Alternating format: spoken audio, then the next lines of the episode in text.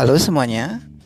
Uh, pada kesempatan kali ini kita akan sama-sama belajar uh, chapter 1 dari uh, analisis kuantitatif ya. Jadi uh, kalian semua saya berikan ebook ya. Jadi di situ kita saat ini akan membahas chapter 1 ya. Jadi teman-teman sekarang di scroll ya atau dibuka dulu filenya terus dibuka Nah, langsung menuju ke chapter 1 dari ebook yang sudah saya berikan.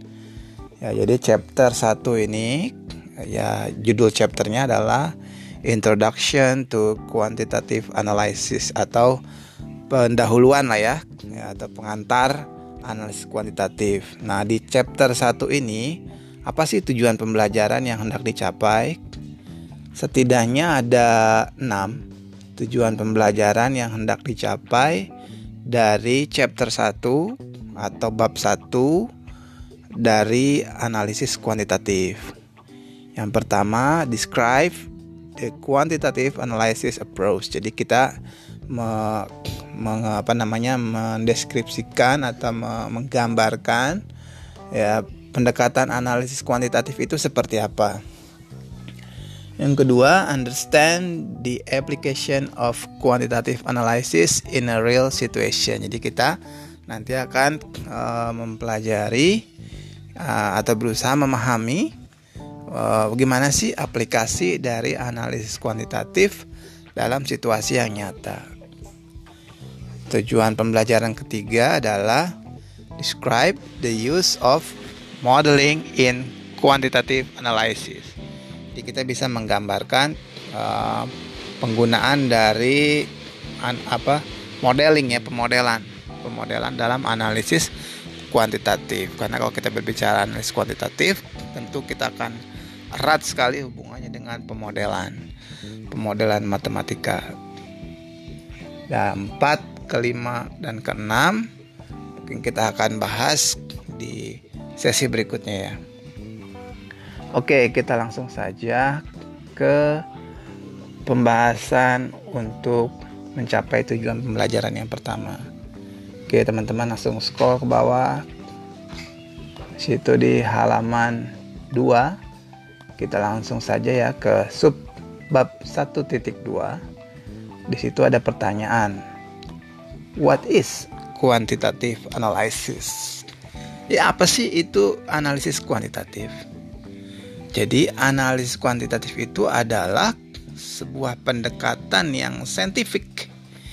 Ya, kalau kita berbicara saintifik artinya pendekatannya ya sistematis, kemudian menggunakan data-data yang terukur, ya dapat diuji, ya baik uh, memiliki kehandalan data data yang handal dan juga yang yang yang yang valid ya. Jadi kalau di sini kita bisa baca arti dari analisis kuantitatif adalah pendekatan saintifik terkait pengambilan keputusan manajerial. Ya. Jadi kalau berbicara emosi, berbicara praduga itu bukan bagian dari pendekatan analisis kuantitatif feeling gitu bukan ya. Jadi kalau kita berbicara analisis kuantitatif itu harus basisnya scientific. Gitu. Ya. Kemudian dalam menyelesaikan atau memecahkan suatu masalah tentu saja memang seorang manajer itu harus mempertimbangkan tidak hanya kuantitatif tapi juga uh, faktor kualitatif. Ya, ya namun misalnya gini orang mau berinvestasi ya. Orang ber, berinvest, mau ber, berinvestasi tentu secara kuantitatif dia akan ukur ya analisis analisis rasionya seperti apa layak atau tidak kemudian uh, apa likuiditasnya baik atau tidak.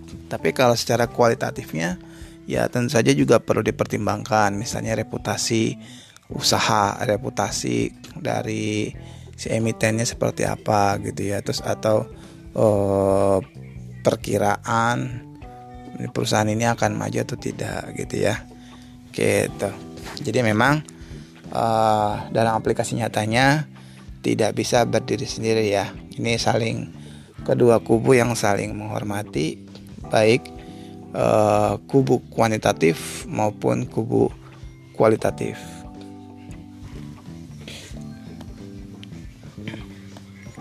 Oke, kita lanjut lagi ke subbab 1.3. Oke, nah di subbab 1.3 teman-teman bisa lihat ada gambar di situ ya. Uh, di subbab 1.3 sebentar. Nah, di situ ada gambar 1.1. Jadi pendekatan analisis kuantitatif.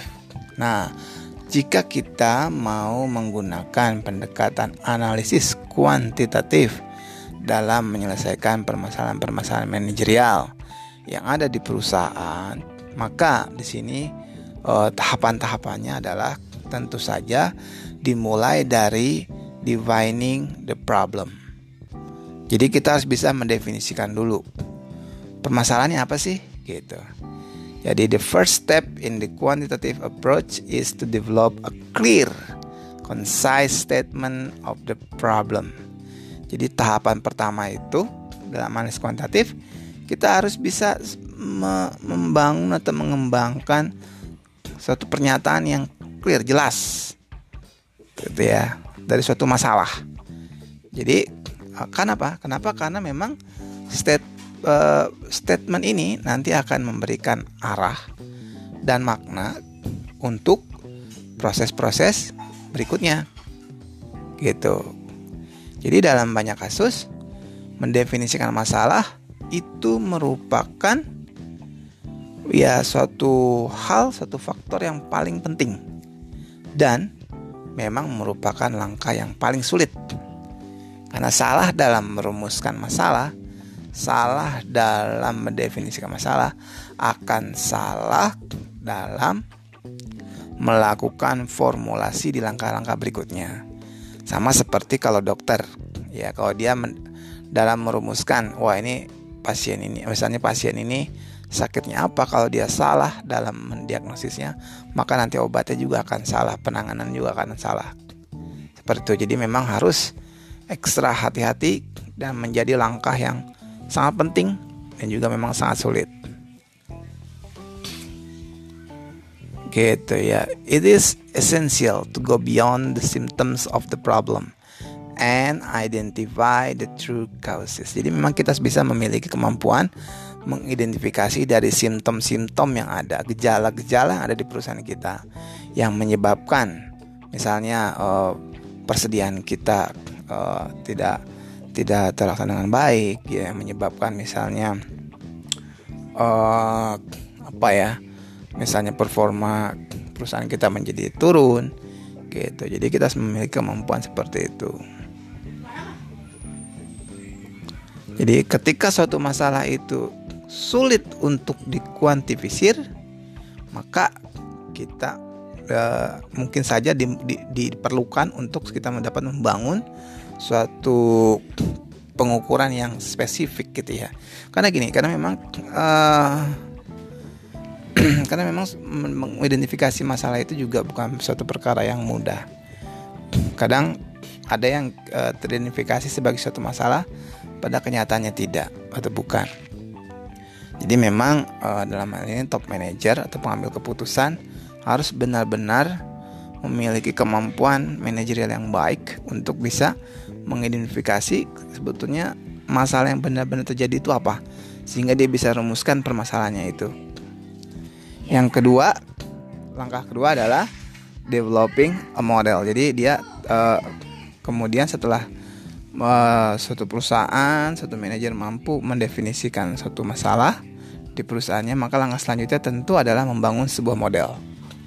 Nah, memang model di sini adalah model matematis ya, model matematis. Misalnya kita membangun satu model uh, penyimpanan atau model uh, pemesanan yang sifatnya ekonomis atau economic order quantity misalnya gitu.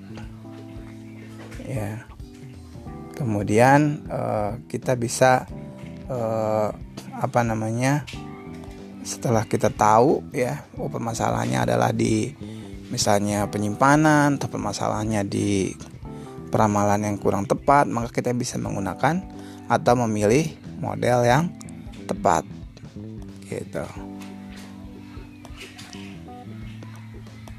Oke selanjutnya kita terus ke bawah. Halaman berikutnya adalah acquiring input data. Nah, di sini ada notes yang sangat penting ya. Garbage in, garbage out means that improper data will result in misleading results. Jadi, inilah pentingnya data. Kita punya masalah.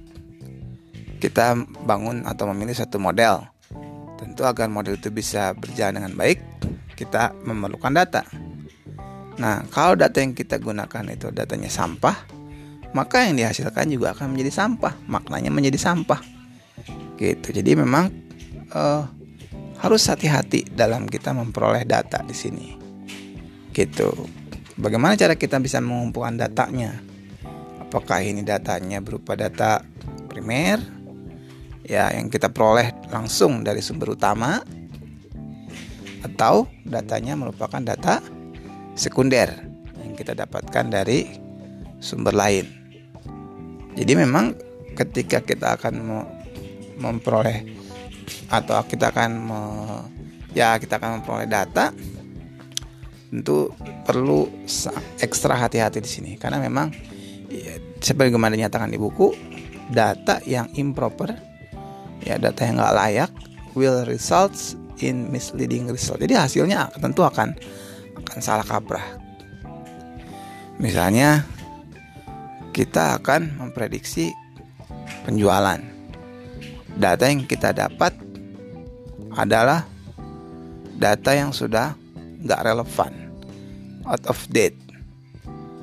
Tentu saja ketika digunakan dalam pemodelan, hasil yang keluar ya dari hasil pemodelan tadi akan mengasih akan memberikan hasil peramalan yang yang buruk gitu. Gitu ya. Jadi memang harus uh, sangat hati-hati dalam memperoleh data. Nah jika tadi datanya sudah kita bisa berhasil me, me, apa, memperoleh data yang tepat kita memperoleh data yang baik yang relevan yang up to date maka input data dan juga model determine the accuracy of the solution. Nah, jika data kita baik, model kita yang kita gunakan tepat, maka akan menentukan keakurasian atau akurasi tingkat akurasi dari solusi yang akan dihasilkan. Solusi dari apa? Ya solusi dari tadi yang permasalahan yang memang kita yang sudah kita identifikasi di tahap pertama tadi. Defining the problem. Ya di tahap ini kita mendevelop suatu solusi. Basisnya tentu saja emang kalau kita menggunakan software ya ketika kita menginput data ya di running maka akan menghasilkan beberapa luaran yang tentu akan bermanfaat bagi kita dalam pengambilan keputusan. Nah, tentu saja sebelum kita gunakan solusi tadi, kita uji coba dulu ya testing the solution. Jadi kalau misalnya solusinya produksinya sekian ya, produksi barang A misal katakanlah 10 unit, produksi barang B misalnya 15 unit, maka ini uji coba dulu apakah benar-benar bisa menghasilkan keuntungan yang paling maksimal. Jadi testing the solution. Kita ke bawah lagi. Nah, memang akhirnya tahapan paling terakhir setelah kita lakukan analisis sensitivitas apakah model kita ini memang sudah relevan, data kita sudah oke, okay, kita uji coba juga menghasilkan solusi yang optimal. Tentu saja langkah berikutnya sebagai final step atau langkah terakhir adalah mengimplementasikan hasil. Hasil dari mana ya? Hasil dari ya software tadi. Ya, jadi ke depan kita akan memang banyak e, berlatih bagaimana menggunakan software. Selain tentu saja memang kita juga akan melakukan beberapa analisis e, perhitungan secara manual. Oke, sementara itu dulu untuk pertemuan pertama kita teman-teman yang sudah mengikuti atau menyimak podcast ini perkuliahan secara online sekarang boleh mengisi daftar hadir. Ya, jadi bagi yang tidak menyimak atau tidak hadir, mohon tidak mengisi presensi. Atau dicoret aja ya. Bagi komtinya saya mungkin minta tolong agar diperhatikan. Mana yang masuk boleh mengisi daftar hadir. Yang tidak masuk itu jangan mengisi daftar hadir. Terima kasih. Sampai jumpa di lain kesempatan. thank you